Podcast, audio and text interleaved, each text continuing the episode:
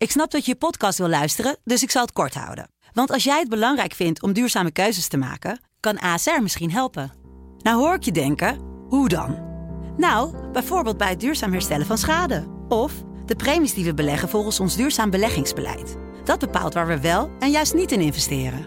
Wil je meer weten over welke duurzame keuzes ASR maakt? Ga dan naar asr.nl slash duurzame keuzes. ASR doet het.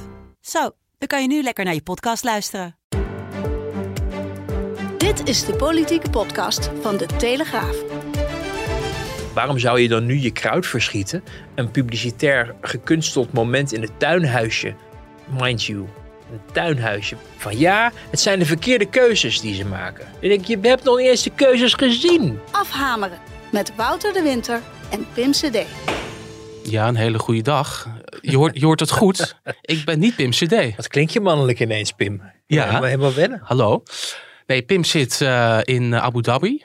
Daar schijnt eh, zondag een eh, Formule 1 wedstrijd te zijn. Dus eh, hij, hij is daar naartoe. En eh, ik ben Louder Slooyer. En ik eh, ga vandaag afhameren doen met jou, eh, Wouter. Goedemorgen, welkom. Hele goede morgen. Het is vrijdagochtend als we dit eh, Ja. opnemen. Normaal gesproken ben ik, eh, zoals dat dan heet, camerajournalist. Veel eh, bezig in Den Haag. Dus daar spreken wij elkaar regelmatig ook. En wij, wij zijn ook vaak op staatsbezoek. eh, eh, Ja. Althans, op staatsbezoek. Dat klinkt ook wel alsof wij zijn op staat. de, de erewacht voor ons is opgesteld. Maar dat valt mee. Eh, maar we gaan, we gaan vaak als duo richting het land waar zijn majesteit en hare majesteit ehm, langskomen om naar, Ja. naar Engeland en zo. En dan, dan zijn Ja. wij ook een duo, zeg maar. Maar jij staat altijd achter de camera dan. Maar nu, zie, ja, nu zien je mensen je nog steeds niet. Nee, precies. Dus wat dat Hij betreft ziet er alleen, verder heel normaal uit hoor mensen.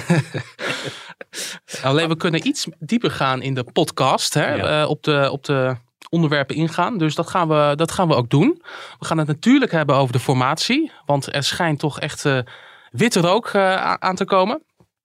We hebben natuurlijk het coronabeleid wat we gaan bespreken. Maar eerst even over prinses Amalia. Want woensdag was het een eh, bijzondere dag. eh, denk ik ook wel voor jou een beetje. Want jij mocht bij die intrede in de Raad van State zijn. eh, Ja, de, de binnengeleiding. was binnengeleiding. Ja, de- we moesten van tevoren moesten we kiezen van of, of de- wil je een vraag stellen of wil je bi- binnenin zitten. En de vraag was dan eigenlijk vooral bedoeld voor de televisie. Ehm, en ik dacht van ja, die vragen die zullen niet het meest spannende opleveren. Viel ook inderdaad enigszins tegen de antwoorden. Eh, behalve dan dat ze zei, en dat waren misschien wel de leukste vragen van het jeugdjournaal, van eh, dat er is geen school om koningin te worden. Nou, dat vat het ongeveer wel samen. Ja. Maar ze hebben toch iets van een LOE-cursus kennelijk bedacht. Dat is dan eh de Raad van State. Ja, ja. Ehm, nou ja, dat is een beetje neerbuigend en, en zo is het niet bedoeld. Want het was, het was best een bijzonder moment. Omdat dit ja, toch ook symbolisch het moment is dat de troonopvolger ja, in de rij staat. Om, Ja. om het huidige staatshoofd Willem-Alexander op te volgen. Eh, dus eh, we moesten ons daar melden. En we kwamen in een balzaal te zitten van Paleis Kneuterdijk. Dat is ja, voor mensen die Den Haag een beetje kennen, eigenlijk om de hoek van het Binnenhof in een bocht. Waar lijn 1 langs rijdt met de tram, is er een soort ja, wit gebouw wat men dan kennelijk paleis noemt. Ik vraag me dan ook gelijk af, wat is eigenlijk de definitie van paleis? ja. Maar dit is dus een paleis, zoals er in Den Haag overal overigens wel meer paleisjes zijn. En dan zaten we ineens eh, met alle staatsraden. Dat zijn dan ook veel oud-ministers, oud-politici van verschillende achtergrond. Die dan allemaal met mondkapjes op anderhalve meter afstand een soort, ja, een soort arena, een soort cirkel vormden. Tot de, ehm Hare Koninklijke Hoogheid eh, de zaal binnenliep. Ja, en, en daar liep zij binnen aan, eh, gearmd met de koning. En eh, heeft daar ook een, een eh, toespraakje gehouden. En daar hebben we een fragmentje van. En nu geef ik graag het woord aan de prinses van Oranje. Dank u wel, voorzitter, als ik u voor één keer zo mag noemen. voor uw warme woorden. Het is een eer om door u ontvangen te mogen worden. Sinds gisteren heb ik, zoals onze grondwet dat plechtig formuleert, van rechtswege zitting in de Raad van State. En dat heeft alles te maken met het ambt dat op mij wacht. In de verre toekomst hoop ik. Al is er ook altijd het besef dat het morgen kan zijn. Ja, dat klonk toch even heel, eh, heel plechtig voor iemand van eh, 18 jaar. Ja, heel plechtig. En het, het was ook wel, eh, dat, daarom vond ik het wel fijn ook dat ik in die zaal kon zitten. Er was maar plek voor drie journalisten overigens. En we zaten helemaal achteraan. Dus we moesten wel echt maar ik kon toen we binnenkwamen gelijk de stoel claimen dat ik recht uitzicht had op, op uh, Amalia. Zodat je dus ook kon zien hoe zij niet alleen een, een, een, verhaal vertelde, maar ook interacteerde met haar haar, haar publiek. En het viel mij op dat ze zeker in het begin eigenlijk een groot deel uit haar hoofd leek te doen. Ze had er echt duidelijk al op geoefend. En de eerste paar alinea's, die kennen ze ongeveer wel uit haar hoofd. Ik dacht ook gelijk van dit is dus dat, dat perfectionisme uh, wellicht wat we in, de, uh, in het boekje van Claudia de Breij lazen. Die daar ook over schreef dat Amalia, nou, toen ze al 9,1 stond of zo, eigenlijk liever 9,2 wilde staan. En daar nog maar herexamens overwoog. nou, dat, dat, dat moment, dat, dat gevoel, dat, dat, dat streberachtige, dat, uh, dat, uh, dat proefde ik ook wel. En um, nou ja, ze hield dat verhaal eigenlijk. Ja, het is een meisje van 18. Ze was nog een paar dagen geleden was ze 17. En dat kon je ook nog wel merken. Het was, het was eigenlijk ja, uh, voor iemand van die leeftijd volgens mij ja, redelijk perfect gegaan. Uh, als je ziet welke druk en vooral die ogen. Hè, als je dan binnenkomt in die, uh, in die zaal, hangen dus allemaal portretten in het voorportaal zeg maar, van die balzaal van uh, koning Willem II, koning Willem III, Willem de Zwijger, nog een stadhouder. en die, die grandeur. En dan vervolgens kom je zo een zaal binnen en dan zitten daar nou, bij elkaar denk ik een mannetje of 75 à 100 toch nog wel. Ja, toch nog wel hoor, want het was een grote zaal. En iedereen kijkt naar je. Dus echt iedereen. En normaal weet je nog van spreekbeurten van vroeger, dan, dan had je altijd het idee van, oh god, iedereen kijkt naar me. En uh, nou, soms, soms raak je daar wel een beetje aan gewend in je leven. Maar uh, voor haar echt iedereen die echt zo wow, die, die op je gericht is. En natuurlijk met een glimlach. Dus dat is natuurlijk ook wel gebruikelijk. Maar dit was wel het begin van de rest van haar leven, dacht ik. Want dit zal dus altijd gebeuren. Zeker als ze koningin is, zal iedereen altijd, net als dat nu bij Willem-Alexander en bij Maxima gebeurt, altijd naar je kijken. En elke seconde van je leven die je in de publieke ruimte um, doet, ja, zal, eh, zal bekeken worden. En dat lijkt me misschien nog wel de grootste opgave. Ja, heftig eigenlijk. Hè? Als je dan, dan, omdat zij nog zo jong is en dan dit voor het eerst zo gaat, doet, gaat doen, dan, dan besef je dat ook. Ja, van wat dat eigenlijk inhoudt. Ja, en ze kreeg natuurlijk deze week al een, een, een, voorproefje daarvan vanwege die foto die gemaakt was van haar in, uh, in New York. Um, die wij ook hadden aangeboden gekregen. Maar ja, vanwege het feit dat het toch een privé-sfeerfoto was. Uh, meisje van 17. En um, bovendien juridisch moeilijk stand houdt om dat dan te publiceren. Bovendien uh, kon je er ook op die foto niet helemaal op dat moment goed herkennen dat zij het was. Kortom, allerlei redenen om, om, om, om het risico niet te nemen. En uh, Story had dat wel op de voorpagina gezet uh, van, van hun blad. En nou ja, dat, dat leidt, leidt in hofkringen natuurlijk ook tot, tot irritatie. En nou ja, ze willen niets officieel zeggen of daar geen sanctie op wordt eh, ondernomen. Maar dat is wel iets wat je kan verwachten, denk ik. Uh, en, en nou ja, dat, dus je merkt al gelijk in die eerste week van haar 18e verjaardag. Die druk, die dwingende ogen. En um, um, ja, haar openbaar, de, de, de, openbaar worden van haar tot nu toe redelijk afgezonderde leven. Ja, ja. Vond jij ook uh, wat ik hoorde dat zeggen van er werd uh, gezegd dat ze wel op uh, Beatrix lijkt ook. In, in, in nou ja, hoe ze dit ook deed. Ja, nou, dat Zie jij die link ook wel? Ja, het is natuurlijk heel, heel snel vergelijkingen maken geblazen. Omdat we er niet zo ontzettend veel hebben. Dus dan ga je kijken. Lijkt ze op Emma, Wilhelmina, Juliana of Beatrix. En ze haalt zelf Beatrix aan. Ik zeg hier vol overtuiging de woorden van mijn grootmoeder uit 1956 na. Nog zeer lange tijd, leden van de Raad van State zal ik mij beschouwen als uw leerling. Ik zal, bewust van mijn verantwoordelijkheid, trachten een goede leerling te zijn. En je hoort ook wel van mensen die dicht bij haar in haar buurt hebben verkeerd de afgelopen jaren. Dat zij veel elementen heeft in haar modus operandi. In de manier waarop ze zich uitdrukt, waarop ze zich verdiept. Ehm, die heel erg doet denken aan hoe Beatrix dat deed. Hè. Je ziet, dat eigenlijk misschien wel in iedere familie, dat kinderen vaak zich proberen te ontworstelen van de manier waarop hun ouders eh, in het leven staan of dingen doen. Um, zoals Beatrix zich van Juliana wilde ontworstelen. Toen de monarchie behoorlijk wat tikken had opgelopen. Uh, vanwege Bernard en de Lockheed-affaire. En Geet Hofmans en dat soort zaken.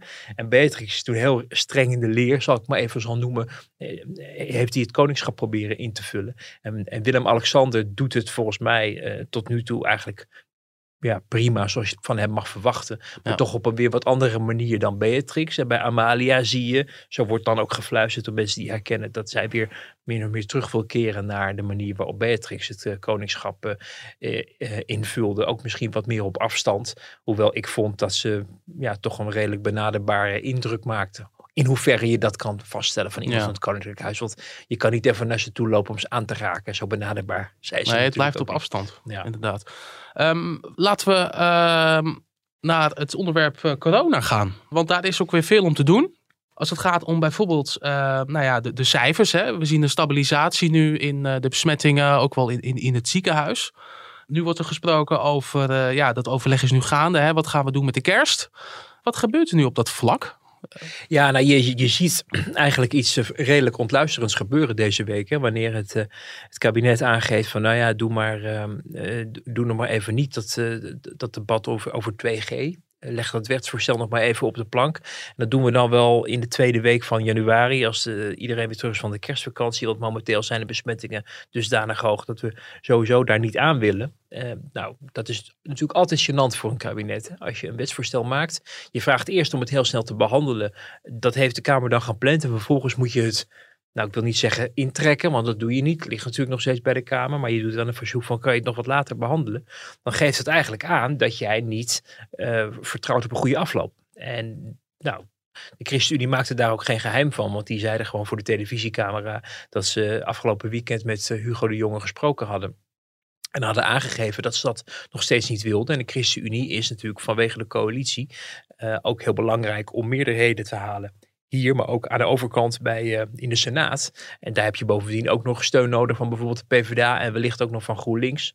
Eh, dus dat wordt nog allemaal een hele tour. eh, Ja. en, en kennelijk heeft het kabinet gemeend dat het nu ja, niet opportun was om het, om het al te bespreken. Wellicht ook omdat ze zien dat op het moment dat het wel besproken wordt, we een maand verder zijn. Dan zijn we in feite een maand verder in deze avondlockdown. Want er wordt nu wel gesproken of we misschien nog iets met kerst kunnen doen. Iets ruimers. Maar de verwachting is op dit moment, hè, vrijdagochtend, dat eh, grotendeels de, de zaken overeind blijven zoals ze nu zijn afgesproken. En dat Kleine versoepelingen misschien? eh, Ja, heel klein rond de kerst eh, wellicht. Maar Ja. grosso modo dingen gewoon om vijf uur nog steeds dicht. Ehm, en, en dat is natuurlijk wel, die, weet je, die beperking, die, die voelen mensen natuurlijk ook. En die voelt de Tweede Kamer ook. En als we weer een maand verder zijn, dan kan er ook een sentiment in de samenleving zijn ontstaan van ja, hoe lang gaan we dit eigenlijk nog doen? En dat kan ook zijn weerslag weer hebben op politieke partijen. En natuurlijk is ook nog de onzekerheid van de Omicron variant. Wat op dit moment natuurlijk veel onzekerheid eh, geeft ook in wat je als kabinet kan uitspreken qua verwachtingen. Of qua RIVM al, al want die weet het eigenlijk ook niet helemaal eh, zeker op dit moment. Ehm, maar goed, later dus misschien meer druk op het proces. Kans van slagen wellicht eh, groter. Eh, maar het verbijsteren daarvan is natuurlijk wel dat er dan op dit moment eigenlijk helemaal niet iets ligt waar we ons als samenleving aan vast kunnen houden. Welke kant gaat dit eigenlijk op opzitten? We tot april in deze situatie. En dat voelt na één of twee weken misschien nog best prima. Maar eh, er komt de kerstvakantie aan. En vergeet ook niet die verschrikkelijke maand van januari. Waar die sowieso natuurlijk al is om te huilen. En, en dan moet je ook nog eens om vijf uur binnen zitten. Ja, en, maar dit hebben wij ook eerder gezien, dat moeilijke maatregelen vooruit worden geschoven. Eh, en dat ligt dan vooral eh, bij de Kamer, hè? Ja, de, de, Kamer is, eh, staat niet te trappelen om nou ja, min of meer de mederegie te pakken. Of duidelijk uit te spreken welke kant zij eh, op willen. We hebben dat de afgelopen weken natuurlijk ook in deze podcast besproken. Dat er een handjevol Kamerleden is. Bijvoorbeeld dat je kijken van de PvdA. eh, Jan Paternotte van, eh, van D66. Die heel duidelijk wel koersen uitzetten zoals zij dat willen. En ook hun collega's proberen aan te sporen of proberen te overtuigen dat ja, eh, soms je om moeilijke maatregelen niet heen kan. Maar de attitude van de Kamer tot nu toe is eentje van de kat uit de boom kijken. En dat zie je nu ook gebeuren. En dat is aan de ene kant begrijpelijk, omdat het zijn moeilijke maatregelen. En je wil moeilijke maatregelen vaak zo lang mogelijk uitstellen. Ook om een deel van je achterban niet tegen je in het harnas te jagen. Maar als je kijkt naar het buitenland en je ziet eh, hoe men daar al nadenkt over vaccinatieplichten. Nou, dat zouden wij op dit moment onwaarschijnlijk Ja. vinden en ondenkbaar. Maar dat vonden we een tijdje ook van de avondklok. Eh, en terwijl in, het, in ons omringende landen bijvoorbeeld ook aan 2G wordt gedacht. eh, of zelfs al wordt, wordt ingevoerd en gebruikt. En hoe je bepaalde landen niet inkomt zonder vaccinatie überhaupt. Hè? Eh, dan is het wel heel raar dat wij toch eens op een soort eiland zitten en denken van nou, dat gaat misschien vanzelf wel over. Maar goed, dat zal eh, de Kamer uiteindelijk weer op zijn bordje krijgen eh, over een maand, wanneer er weer eh, waarschijnlijk weer wat heftigs moet gebeuren. Ja, want als je dan Hugo de Jonge hoort, die zegt het alternatief is dat je gewoon ja, heel lang in een lockdown gaat zitten. Dat het Ja. een hele onzekere winter gaat worden. Ja. Als je niet naar dat, eh, eh, die coronapas gaat. Ja, en, en ook het, eigenlijk de vanzelfsprekendheid die in ons land heerst momenteel. Over dat de overheid dus ook zal compenseren. Hè? Dat er nu afwegingen moeten worden gemaakt door bedrijven, horecagelegenheden. Van gaan we helemaal dicht of gaan we een beetje open? Eh, en wat is financieel het meest aantrekkelijk voor ons? En dat snap je natuurlijk vanuit die ondernemers heel goed. Maar wat we ons ook moeten realiseren, denk ik, en wat in ieder geval vind ik een rol zou moeten spelen in ook het afwegingskader, is in hoeverre het redelijk is om, eh, waarschijnlijk zal onze generatie het allemaal niet meer hoeven terug te betalen, maar jouw jouw jouw eh, jouw kinderen eh, zullen uiteindelijk ook weer al, al dat gratis geld wat nu wordt uitgekeerd, moeten ophoesten, hè? want daar wordt natuurlijk voor geleend. Ja. En dat zijn wel van die elementen die op dit moment heel, bijna helemaal niet meer besproken worden in Den Haag. Maar het kost wel allemaal heel, ook heel veel geld. En het wordt nu heel vanzelfsprekend uitgegeven. Maar de vraag is hoe lang zoiets ook houdbaar en wenselijk is ook. Ja, ja, ja. Als je kijkt naar die, die discussie over 2G, eh coronapassen, niet-essentiële winkels. Nou ja, het wordt dus allemaal eh, over die kerstvakantie heen getild. Wat verwacht je uiteindelijk? Wat, wat, wat, wa- hoe, gaat, hoe gaan die verhoudingen straks liggen, denk je, in de Tweede Kamer? Nou ja, dat zal heel erg afhangen van eh, de situatie van het moment. Ehm, de vraag is alleen in hoeverre het handig is dat je nog geen. Dat, op, dat je wacht tot je iets echt nodig hebt en het dan pas gaat behandelen in de Kamer. Of dat je gewoon eh, als, als kabinet een gereedschapskist, ik zal het verschrikkelijke Hugo de Jonge woord maar eens gebruiken, klaar hebt staan. Waarin je iets uit kan pakken op het moment dat het nodig is. Dat kan nu bijvoorbeeld met het uitbreiden van, eh, van de 3G-maatregel, hè, van het uitbreiden van de coronapas.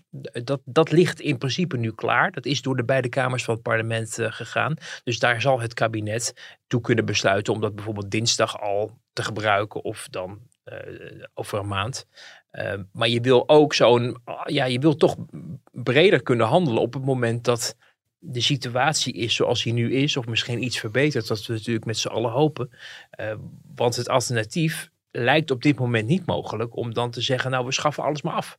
Ja. Dat is wat, het dilemma wat Hugo de Jong ook aangeeft. Als jij niet bereid bent om onderscheid te maken en strenger te zijn in het toelaten op bepaalde plekken. Hè, want dat is misschien ook heel belangrijk om eh, eh, te benadrukken. Dat het niet zo is dat in het hele land eh, 2G gaat gelden. Het is Ja. voor, voor locaties bedoeld waar het besmettingsrisico groot is. Bijvoorbeeld in de horeca, grote evenementen. Eh, daar zou je ook überhaupt wel na kunnen denken over het massaal testen van mensen. Wat je op 1G eh, eh, natuurlijk uitkomt. Voor die echt grote dingen waar 3400 man naartoe gaat of zo. Maar weet je, dat, dat soort dingen wil je klaar hebben liggen. En op het moment dat je niks hebt klaar liggen en je zit in een situatie waarin de actualiteit vereist dat je ingrijpt, dan wel versoepelt. En we weten inmiddels in Den Haag hoe lang het duurt op het moment dat men iets wil en op het moment dat iets kan. Hè? Een OMT-advies moet er overheen, dan moeten ze naar het katshuis, dan moeten ze nog dit, dan moeten ze nog dat. En voor je het weet ben je tien dagen verder met het doorvoeren ervan.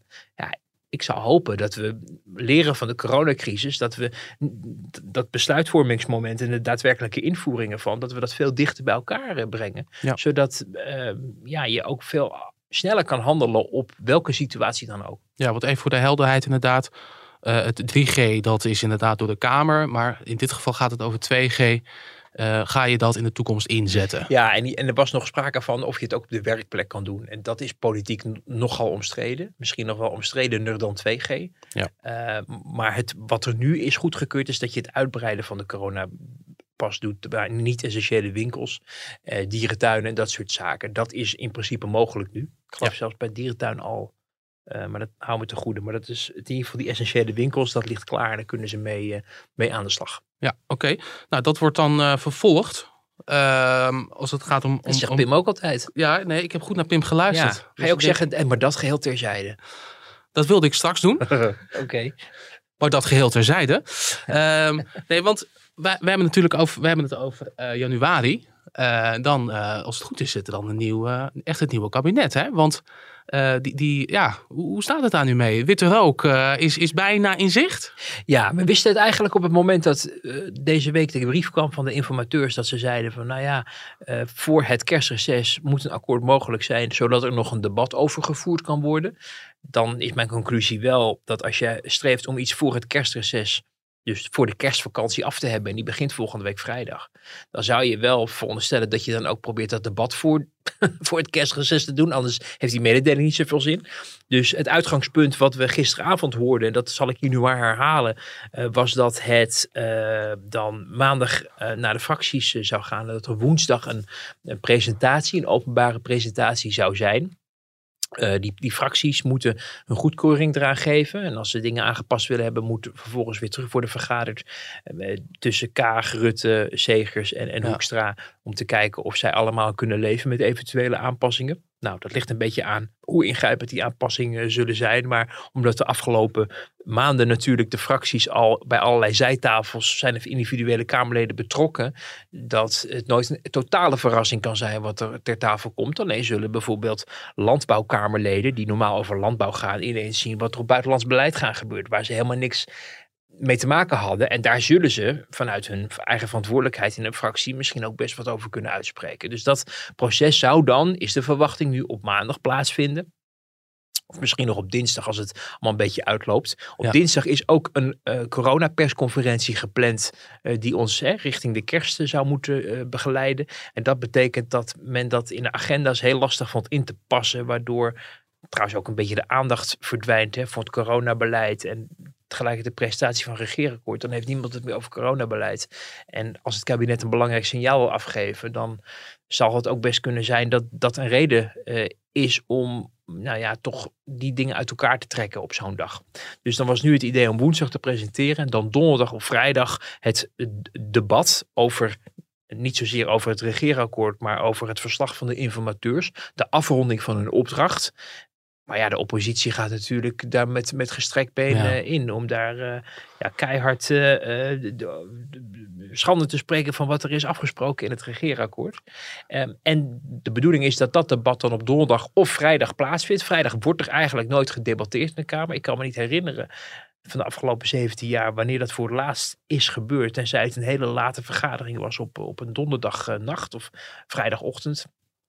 Um, zijn vroeger nog wel wetgevingsoverleggen geweest in Balkenende 2 op vrijdag. Maar ja, een debat. Um, mensen worden verondersteld dinsdag, woensdag en donderdag te debatteren. En maandag en vrijdag in het land zich onder de mensen te... te werkbezoeken. ja, ja, ja, werkbezoeken, dat soort dingen. Ja. Uh, en daar is die Kamerorganisatie ook op ingesteld. Hè, de bodes en alle technici en, nou, die dat zo'n debat allemaal mogelijk maken. Maar Rutte, die wordt donderdag in Brussel verwacht. Oh, voor een Europese okay. top. Ja. Dus dat wordt een ingewikkelde. En dan, dan moeten ze dus een afweging maken van ja, wil de Kamer donderdag debatteren en tegen Rutte zeggen, ga je maar naar Brussel. Nou, die kans lijkt me heel klein. Dus dan is de mogelijkheid dat Rutte er wel bij is. Uh, maar dat zou dan op vrijdag kunnen zijn. Uh, of je doet het op donderdag en je laat het door een andere regeringsleider uh, doen. Er wordt bijvoorbeeld gedacht aan de Luxemburgse premier die het een jaartje of zeven geleden ook al deed toen er een soort halve kabinetscrisis was in Nederland en Rutte in Nederland moest blijven. En toen heeft de Luxemburgse premier die normaal 500.000 mensen vertegenwoordigt in de Europese Raad, moest toen ineens namens 17,5 miljoen mensen spreken, namelijk de 17 miljoen van Nederland. Dus dat was allemaal voor hem ook toen best spannend. Maar er is wel een goede band en een vertrouwensband tussen Rutte en de Luxemburgse premier, maar bijvoorbeeld ook de Belgische premier Alexander de Croo zou zoiets kunnen doen, hoor je een beetje doorheen zijpelen. Maar het is wel een teken van ongemak natuurlijk, hè, als je je, je, je, als land een andere regeringsleider over jouw land laat praten. Ja, ja. In de Europese Raad. Maar dat is, dat is dan waarschijnlijk het meest, op dit moment het meest waarschijnlijke uh, Ik durf scenario. daar nog niet te maar, speculeren. Het zal heel erg Ja. afhangen van een proces wat heel erg achter de schermen zal Ja. plaatsvinden. Waarin ehm, de coalitiepartijen zullen verkennen bij de oppositie van wat is voor jullie aanvaardbaar? Hè? Willen jullie met of zonder Rutte? Welke dag zou dan kunnen? Maar voordat men dat kan doen, moet men eerst naar buiten en eerst naar de fracties en eerst het regeerakkoord hebben gepresenteerd. Dus dat is een kwestie die maandag, dinsdag, woensdag eigenlijk pas definitief beslecht wordt. Want het akkoord moet natuurlijk wel af voordat je kan gaan plannen wanneer je erover gaat debatteren. Ja, precies. Straks even over de poppetjes en, en, en de inhoud van dat uh, akkoord. Laten we het eerst even hebben, want je had het net al even. we hadden het net al eventjes over de oppositie. Uh, ja. ja. die gaan natuurlijk met gestrekt been in. Uh, het tuinhuisjesakkoord. Ja. Ehm, dat was afgelopen maandag werd dat gepresenteerd door GroenLinks en de PvdA. Een, een oppositieakkoord. Um, zij zaten daar, um, Klaver en, en Ploemen zaten bij Nieuwsuur.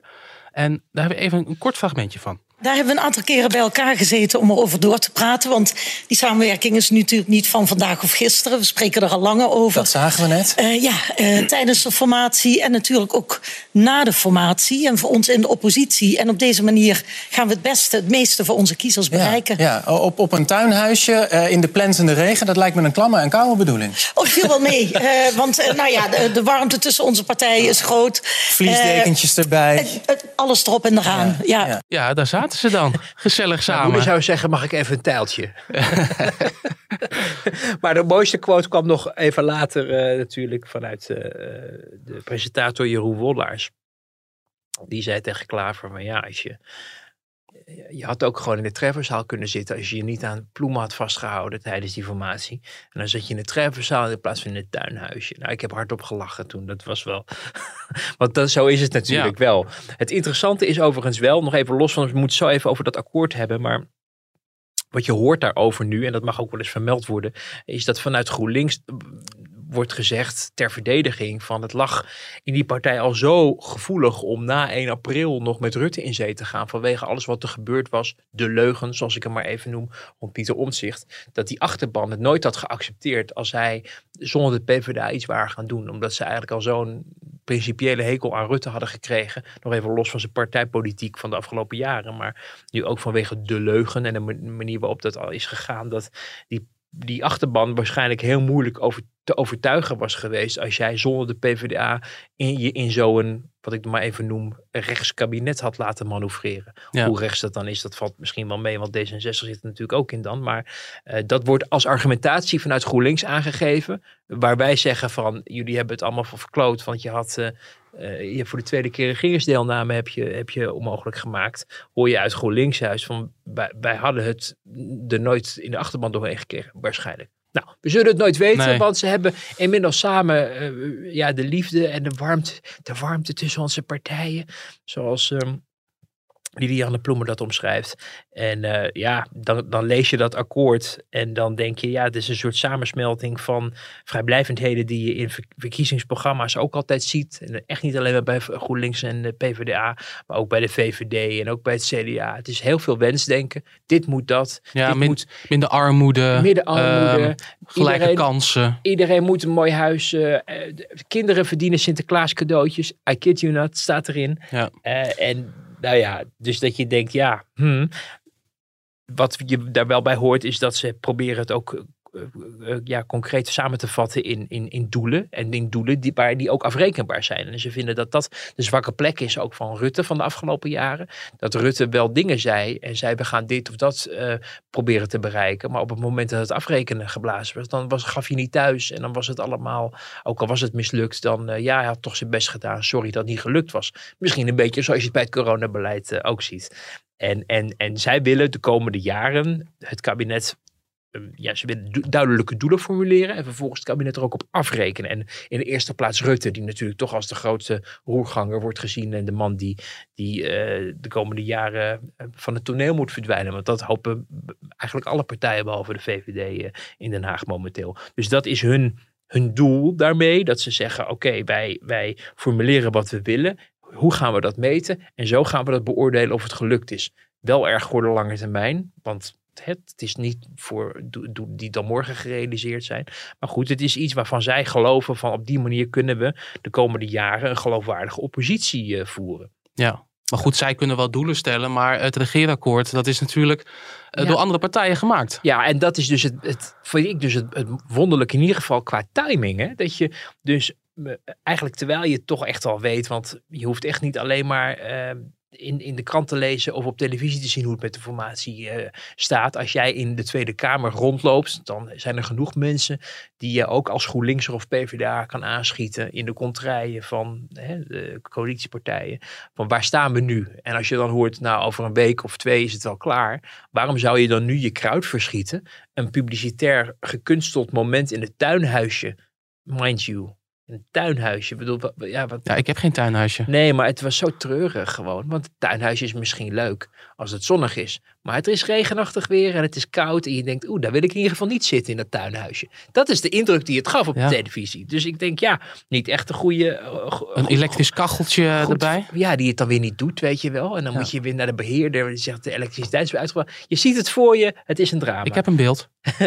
Dus, ehm, dus, dan, dus ik snap niet die timing, snap ik niet. Want je, je zou ook kunnen, je kunnen voorstellen van oké, we laten hen ehm, de plannen bekendmaken. Dan gaan we daar misschien nog enigszins aangenaam verrast door zijn. Omdat er natuurlijk miljarden richting stikstof en klimaatbeleid en studiefinanciering en afschaffing van kinderopvangtoeslag. Dingen die ook links prachtig vindt.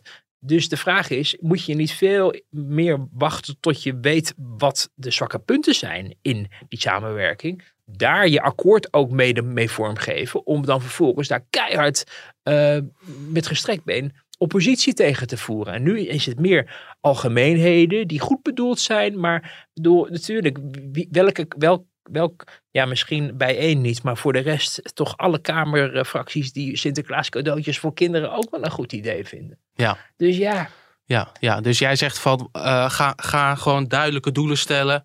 eh, en, en ga in, in het debat eh, straks wat er gaat komen, ga dan veel oppositie voeren. Wacht eerst met waar je tegen oppositie kan voeren. Voordat je kan zeggen. Ik bedoel, vooral. Ik bedoel, Kla- Klaver betrapte ik daar nog niet zozeer op. Maar veel meer Ploemen. Die het had over. Van ja, het zijn de verkeerde keuzes die ze maken. Ik denk, je hebt nog niet eens de keuzes gezien. Ja. Je moet ze eerst. Die, die krijgen we de komende week te zien. En dan kan je echt zeggen van de verkeerde keuzes. Maar dit is zo ongeloofwaardig. Het is zo. Ja. eh, voor de bühne om te roepen, het deugt nu al niet. En, en als jij geloofwaardig oppositie wil voeren, zou ik zeggen van, van richt je dan ook echt op die inhoud. Want er is ongetwijfeld veel op die inhoud af te dingen. Wat jij ideo partij ideologisch gewoon niet, niet ziet zitten. Maar, maar dit is een beetje een slag in de lucht eigenlijk. En Ja. ze zijn, begrijp ik, eh, bij de linkse partijen, eh, althans een deel, eh, nog best tevreden met de publiciteit die het genereerde. Want ja, de usual suspects ehm, in de... In de in andere kranten dan de Telegraaf vonden het natuurlijk prachtig. Wat, wat hè, eindelijk samenwerking. En nou echt, hier zaten ze toch al weken, maanden, jaren, decennia op te wachten. Maar ja, ik vond het niet heel erg overtuigend. En ik denk dat je met een betere timing ehm, ook een beter verhaal had kunnen vertellen. En geloofwaardiger had kunnen overkomen. Als je kijkt naar, eh, dit, dit is natuurlijk al ja, veel langer geprobeerd. Hè? Eh, vaker geprobeerd eh, tussen, tussen linkse partijen om, om die samenwerking te zoeken. Ehm, zie jij het gebeuren dat er op een gegeven moment een fusie gaat komen? Er wordt natuurlijk ook wel over gesproken tussen PvdA en GroenLinks. Eh, ja, ga- gaat het ooit zo ver komen? Wat denk jij daarvan? Nou, dat, dat zal, en dat geven ze ook zelf aan, dat, dat, kunnen Ploemen en Klaver helemaal niet besluiten. Want zij hebben een mandaat om de, in de Tweede Kamer namens de PvdA en namens GroenLinks eh, politiek te bedrijven. Maar een, fusie wordt, is iets die de leden moeten beslissen. Nou, je zag op de verschillende ledenraden die ze toen in elkaar hadden geflanst eh, rond, de, rond de zomer, toen het nog misschien een idee was om met z'n tweeën in een coalitie te gaan, maar dat wilden de rechtse partijen op dat moment niet. Toen hoorde je wel van, nou, samenwerken goed, maar fusie gaat een stap te ver.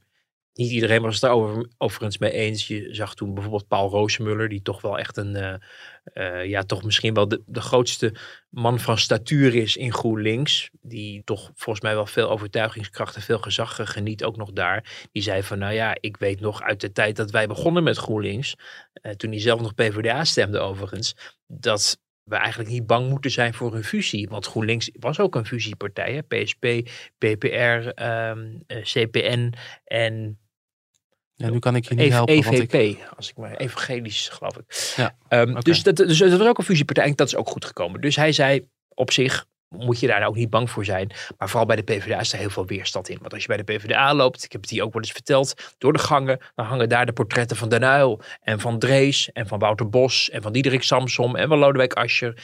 Uh, niet van Melkert, maar goed, dat heeft misschien andere redenen.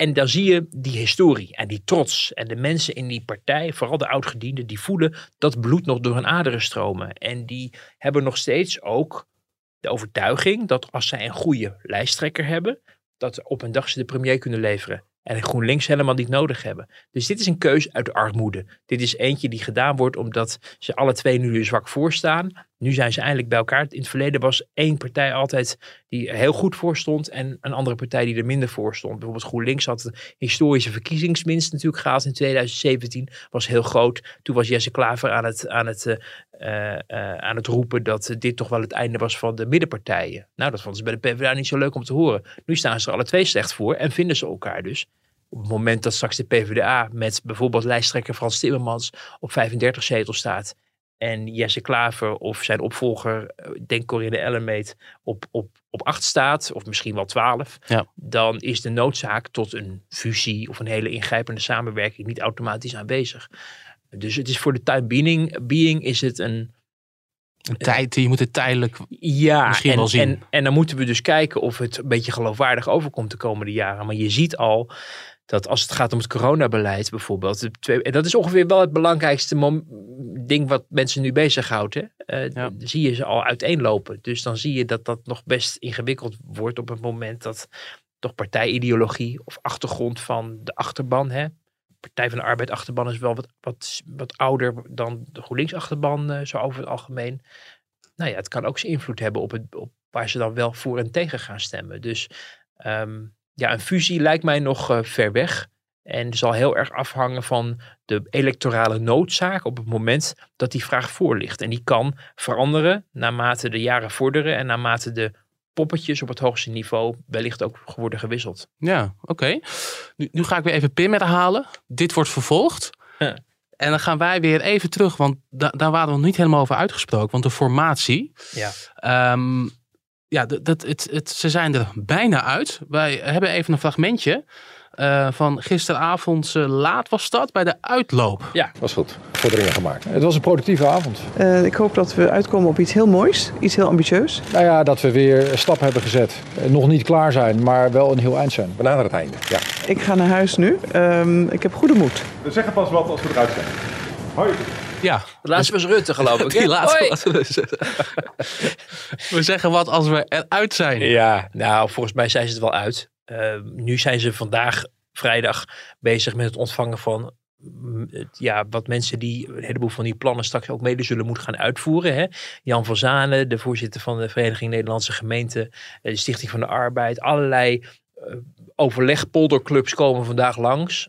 Dat is om hen kennis te laten nemen van datgene wat zij van plan zijn, waarmee je eigenlijk kan concluderen dat uh, ja, ze ongeveer wel klaar zijn. Want je gaat natuurlijk niet die mensen uitnodigen en bijpraten op het moment dat je over hele essentiële dingen nog van mening verschilt. Ja. En je hoort ook in de toon, uh, hè, ook van, van Sigrid Kaag, maar ook van Wopke Hoekstra, hè, positief, goed gevoel, iets moois. Nou, dat zit dus wel goed. Ja, hoe, hoe, hoe denk jij dat ja, dat is natuurlijk moeilijk te zeggen, maar hoe wordt hier nou naar gekeken door, door de kiezer? Hè? Want nou, nu, nu de langste, ja, het is de langste formatie ooit. Mhm. Uh, we zitten in een, in een grote crisis. En Mhm. nu dan dat optimisme van we zijn er, hè, we zijn er bijna uit. Ja, het is toch ook wel heel dubbel wat dat betreft. Hè? Ja, het was natuurlijk een, een, een verschrikkelijk lelijk jaar voor de politiek. Uh, dat, dat staat buiten kijf. En ik denk dat een heel groot deel van Nederland is afgehaakt ook. Uh, ook in ergernis en ook in wanhoop over hoe Den Haag dit zo heeft kunnen laten ontsporen. Moet wel je realiseren dat het moment dat onderhandelingen starten en het moment dat ze eindigen, die tijd is best beperkt. Als je kijkt dat ze eind september, begin Ja. oktober begonnen en we zitten nu in de tweede week van december, dan heb je nou twee, tweeënhalve maand heb je met elkaar onderhandeld. Trouwens ook niet eens fulltime vanwege allerlei verplichtingen van ministers, uh, vakantie, week van wat.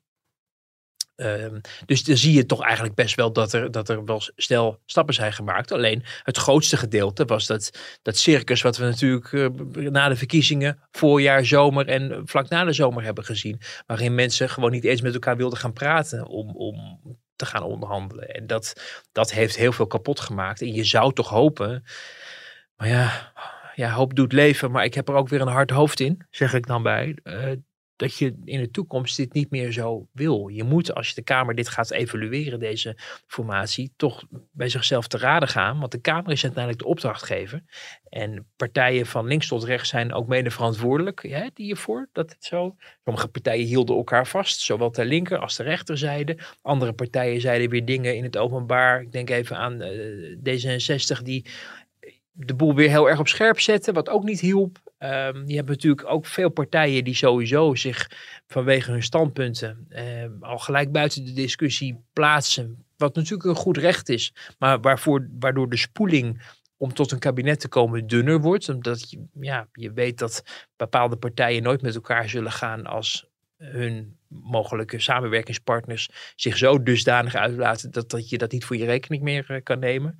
Uh, maar de Kamer heeft, is uiteindelijk wel de opdrachtgever geweest en begeleider in feite ook van deze formatie. En het feit dat het allemaal zo lang duurt, uh, valt dus ook op het, op het konto van de Tweede Kamer te schrijven. Ja, een, een lelijk jaar voor de, voor de politiek, dus hè, wat jij zegt. Ja, maar ze moeten dus ja. echt dit in de toekomst anders doen. Ja. En je zou hopen dat men echt serieus gaat nadenken van hoe kan je dan voorkomen. En dan dan wordt er nagedacht over beperkte uh, tijden. Hè? Dat je zegt van je, je krijgt een paar weken om te kijken wie met wie. En als dat niet lukt, dan kijk je op een andere manier. Maar ja, dan kan je ook, um, ik geloof dat dat heet running down the clock. Dan kan je als partij, als je een combinatie niet ziet zitten, gewoon zo moeilijk en lastig doen. Dat je zeker weet dat als de drie weken voorbij is, dat jij dan je zin krijgt. Dus dat geeft ook aan hoe moeilijk het is om maar te zeggen, we doen een termijn aan hoe lang je met elkaar mag overleggen of je met elkaar wil samenwerken. Omdat als je dat niet wil, dan ga je het proces ja. gewoon frustreren. Het zal, het zal er ook wel heel erg mee te maken hebben wie er als informateur zit, eh, denk ik. Want ja, je moet nou, toch ja. zeggen, sinds Remkes er zit, uh,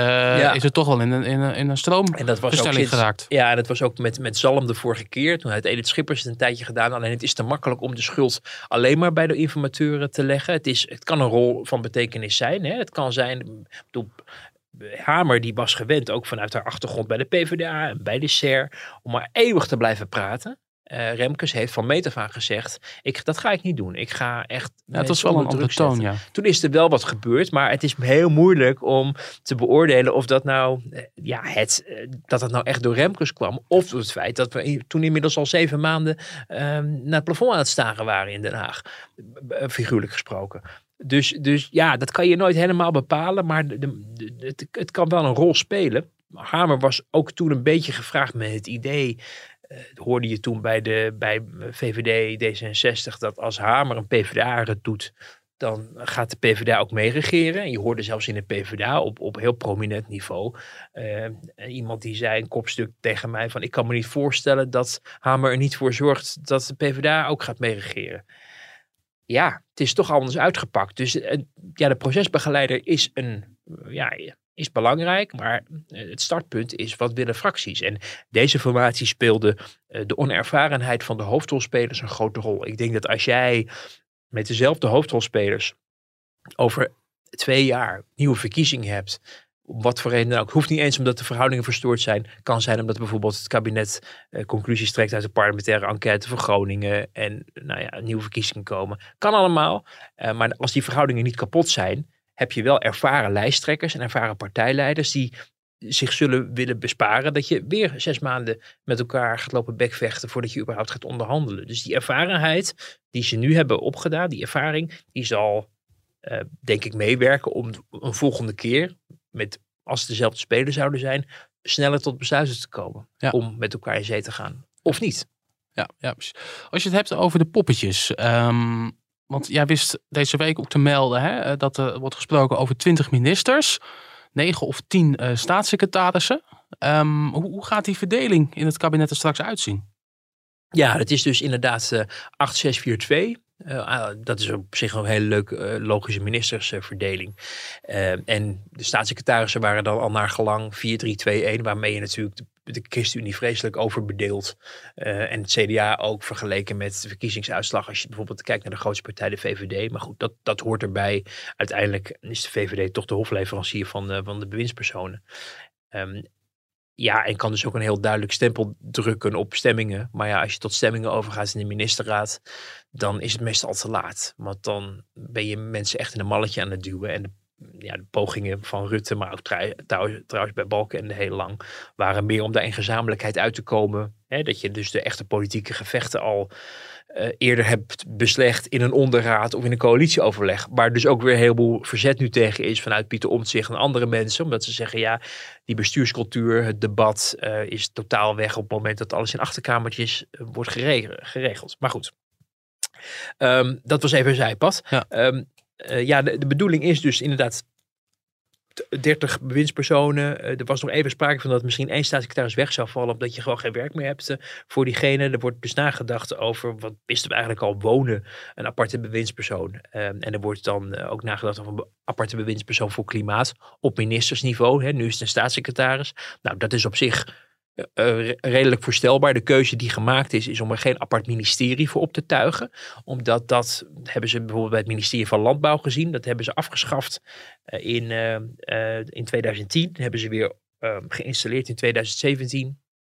Nou, dat werd een enorme papierwinkel. Er moeten allemaal nieuwe mensen worden aangenomen. Eh, gewone ambtenaren, directeuren-generaal, eh, secretaris-generaal, plaatsvangend secretaris-generaal, briefpapier, pand, eh, auto. Nou, de hele Santekraam moet opgetuigd worden. Daar ben je twee jaar mee bezig. Dus niet heel erg slagvaardig. Dus men probeert nu te denken aan, oké, we houden departementen dan zo ongeveer hetzelfde. En we zetten er extra bewindspersonen neer. Net als je bijvoorbeeld op onderwijs ziet met twee ministers. Op justitie met twee ministers. En op die manier ehm, versterken we, de bewindspersonenploeg met extra mensen. Zonder dat we de hele bureaucratie erbij per se optuigen. Want nu, als je op het ministerie van eh, Onderwijs heb je een aantal ehm, directoraten, als ik het geloof ik goed uitspreek. Directies. Directies. Waarin, hè, die zitten nu nog, zitten, zitten er twee bij de ene minister en drie bij de andere minister. En als er een nieuwe bewindspersoon komt, kan je daar gewoon onderling mee schuiven. Zonder dat je daar een heel nieuw ministerie voor eh, hoeft op te tuigen. Eh, dus dat is waar aan gedacht wordt. En, en ehm, waar men ook wel over toe zal gaan. Eh, en waar ook nog sprake van was, hoorden wij de afgelopen week, was een minister voor stikstof en natuur. Nou, dat was de stand van de afgelopen week. Altijd even kijken wat de eindstreep uiteindelijk haalt. Maar dat was wel een hele bijzondere. Waarmee je wel ziet dat, het, eh, dat de coalitie kennelijk van plan was om ehm, de problemen, de grote problemen in Nederland, waar je dus over klimaat ehm, iets kan zeggen over wonen, maar ook de stikstofdepositie. Ja, je denkt bij jezelf, hoe is het mogelijk? Maar dat kost klauwen met geld. Er zit een heel groot probleem. Van de week natuurlijk berichten over Schiphol, die daarmee in een knel zou komen, omdat zij te veel stikstof eh, uitstoten. Hebben ge- zouden geen milieuvergunning hebben? Of in ieder Ja. geval, daar, daar zijn problemen. Waardoor, om dat in perken te blij, binnen de perken te houden, zouden een heleboel vluchten omlaag eh, moeten. Wat natuurlijk een en- economische impact eh, kan hebben. En voor het netwerk en als een internationaal knooppunt voor Nederland. Dus heeft enorme gevolgen. Dus waar je denk tien jaar geleden had gezegd de minister voor stikstof. Dat je denkt, nou, hoe, hoe, kom je er? Hoe verzin je het? Is het nu ineens zo'n groot probleem, waar nu ook al politiek al zo lang over wordt gesproken, dat het op zich helemaal geen gekke gedachte is om dat te beleggen bij iemand die daar dan echt de probleemeigenaar van is. Niet echt een leuke baan overigens. Eh, maar goed, ehm, als je minister kan worden, dan schijnt dat kennelijk heel aantrekkelijk te zijn. Voor, voor sommige eh carrièrepolitici althans. Wie gaat dat doen? Ja, dat, dat, dat, dat durf ik op dit moment Schouten niet te heeft, zeggen. is daar natuurlijk eh, mee bezig geweest eh, Ja. in deze kabinetsperiode. Ja, maar die heeft ook wel, eh, dat begrijp je ook wel, hè, dat je als je dat heel lang doet, eh, ook onverwachts dat het zo zwaar was, dat je dan ineens eh, daar de rest van je kab- kabinetsperiode mee bezig bent, terwijl je eigenlijk dacht als boerendochter, ik ga mooie dingen doen voor de boeren.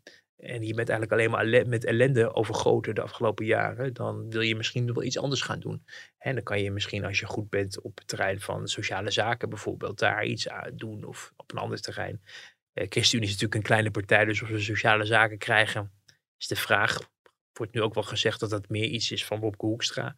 Dat hij financiën zal kwijtraken. Eh, en, en natuurlijk waar eh, mensen benieuwd naar zijn, is wat gaat er gebeuren met Hugo de Jonge. Ja. En eh, daar hoorde je in het CDA van. Hè, je hoorde natuurlijk mensen die heel erg aan het, eh, aan het promoten waren dat hij eh, minister zou blijven. Het liefst ook dan op, op volksgezondheid vanwege zijn commitment en zijn ervaring. Vond de VVD ook wel prettig, want hij is toch een mooie bliksemafleider voor- Mark Rutte. Aan de andere kant hoor je ook weer mensen zeggen: ja, maar wij hebben nu wel genoeg. schade geleden door onze CDA-minister op dit verschrikkelijke dossier te hebben. We kunnen hem maar net zo goed op een ander ministerie zetten. Op, op bijvoorbeeld onderwijs. Maar wat je wel heel duidelijk rond de CDA-top hoort, is dat je een commitment krijgt of eigenlijk afgeeft om vier jaar minister te blijven. En als je die vier jaar hebt uitgediend, of inmiddels bijna vijf jaar, uh, dan is er niet een soort automatisme dat je dan door mag. Dus dan is het gewoon nieuwe ronde, nieuwe kansen. Dat dat eigenlijk het uitgangspunt moet zijn. Er wordt natuurlijk vanuit de, nieuwe, de oude nieuwe coalitie ook heel erg benadrukt dat er een nieuw elan moet komen. En nou ja, als je dan iedereen laat zitten waar die zit, ook de mensen waar in ieder geval veel controverse over was, dan is de vraag of dat helemaal ja. dat doel uh, zal realiseren. Dus je denkt dan bijvoorbeeld ook aan, aan Vert Grapperhaus, die uh, justitie natuurlijk deed. Ja. de vraag is als het CDA geen justitie houdt uh, en ze hebben maar vier bewindspersonen en Hoekstra is er eentje en Hugo de Jonge is een tweede en je wil streven naar 50-50 met mannen en vrouwen, dan valt er dus iemand buiten de boot. En uh, vanuitgaande dat Hoekstra zelf blijft, kan hij nog één andere man neerzetten. Dus weet je, dat soort dingen spelen allemaal een rol. En ik verwacht dat we daar de komende dagen meer over zullen horen. In ieder geval als het gaat om de verdelingen van de posten. Dan kan je op een gegeven moment ook wel een beetje ja, inkleuren. Als CDA volksgezondheid niet krijgt, dan gaat Hugo de Jonge dus geen volksgezondheid doen. Is de veronderstelling dan als ze justitie niet krijgen, dan is Vert Grapperhaus uh, op een zijspoor gezet. Nou, de veronderstelling is nu dat Bobke Hoekstra financiën kwijtraakt. Dus die moeten ergens anders naartoe. Nou, zo ga je er op een gegeven moment die puzzel leggen. En dan komen in de loop van de dagen en weken komen de poppetjes er ook bij, bij die posten die, uh, waarbij het denk ik nu wel over eens is hoe die verdeeld gaan worden. En je moet ook nog, als ik nog mag aanvullen, eh, het speculeren, zeker voor oude bewindspersonen, is iets makkelijker dan nieuwe. Want nieuwe bewindspersonen hangt heel erg af van het naslag wat verricht zal worden over hun verleden. Bijvoorbeeld, en ook zakelijke belangen. En als er dingen zijn waarvan wij helemaal niks weten, maar die later naar buiten kunnen komen en de geloofwaardigheid van hun ambt of van de hele coalitie in gevaar kunnen brengen, dan is het proces van dat naslag en het gesprek met Mark Rutte als formateur, wat over een paar weken zal plaatsvinden, met die kandidaat bewindspersonen, natuurlijk wel heel essentieel. Hè? Daarom is men heel voorzichtig met het noemen van namen op dit moment. Van nieuwe mensen. Omdat je nog niet weet of die door de, wat ik maar even noem, ballotage komen. Ja, ja, ja, precies. Je hebt wel de hoofdrolspelers natuurlijk. Die, die, uh, was, ja, ja. ja, en als je al bewindspersoon bent, dan hoef je niet nog een nee, keer... Uh... Nee, precies. Um, Oké. Okay. Wat, wat ik, ik sta nog te denken, als je het hebt over die bordesfoto dan, uh, tweede week januari waarschijnlijk. Dat wordt een hele grote groep op anderhalve meter. Hoe ziet dat eruit?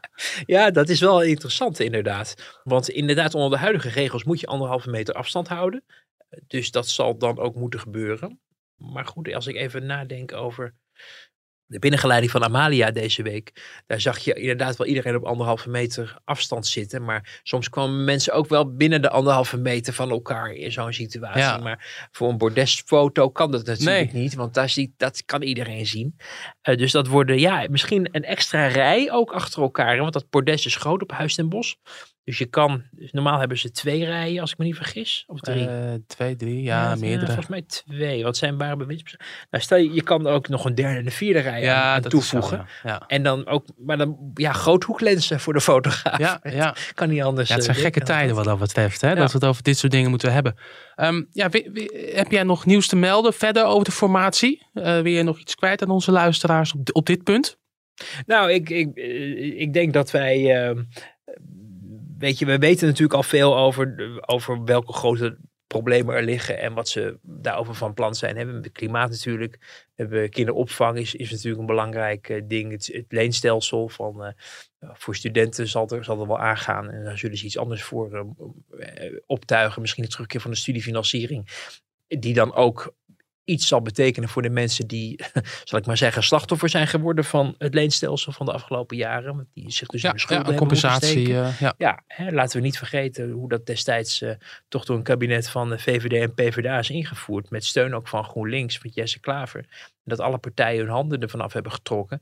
Uh, maar het is wel een duur, dure grap geworden uiteindelijk. Dus Um, ja, daar, dus dat zijn. En dan je vraagt je rond, ja, zitten er nog andere gekke dingen in? En dan hoor je wel van, ja, er zitten wel opvallende, leuke, grappige dingen. Ik zou me, zou me kunnen voorstellen dat ze op bestuurlijke vernieuwing waar we tot, nu toe natuurlijk nog niet zo ontzettend veel hebben gehoord, dat ze daarmee zouden verrassen. Misschien Ja. komt er wel iets van een eh, gekozen burgemeester alsnog. ja, precies. Op dat gekozen. vlak. eh, Weet je, dat soort dingen waarvan een heleboel partijen ook wel denken van ja, we moeten er toch een keer aan.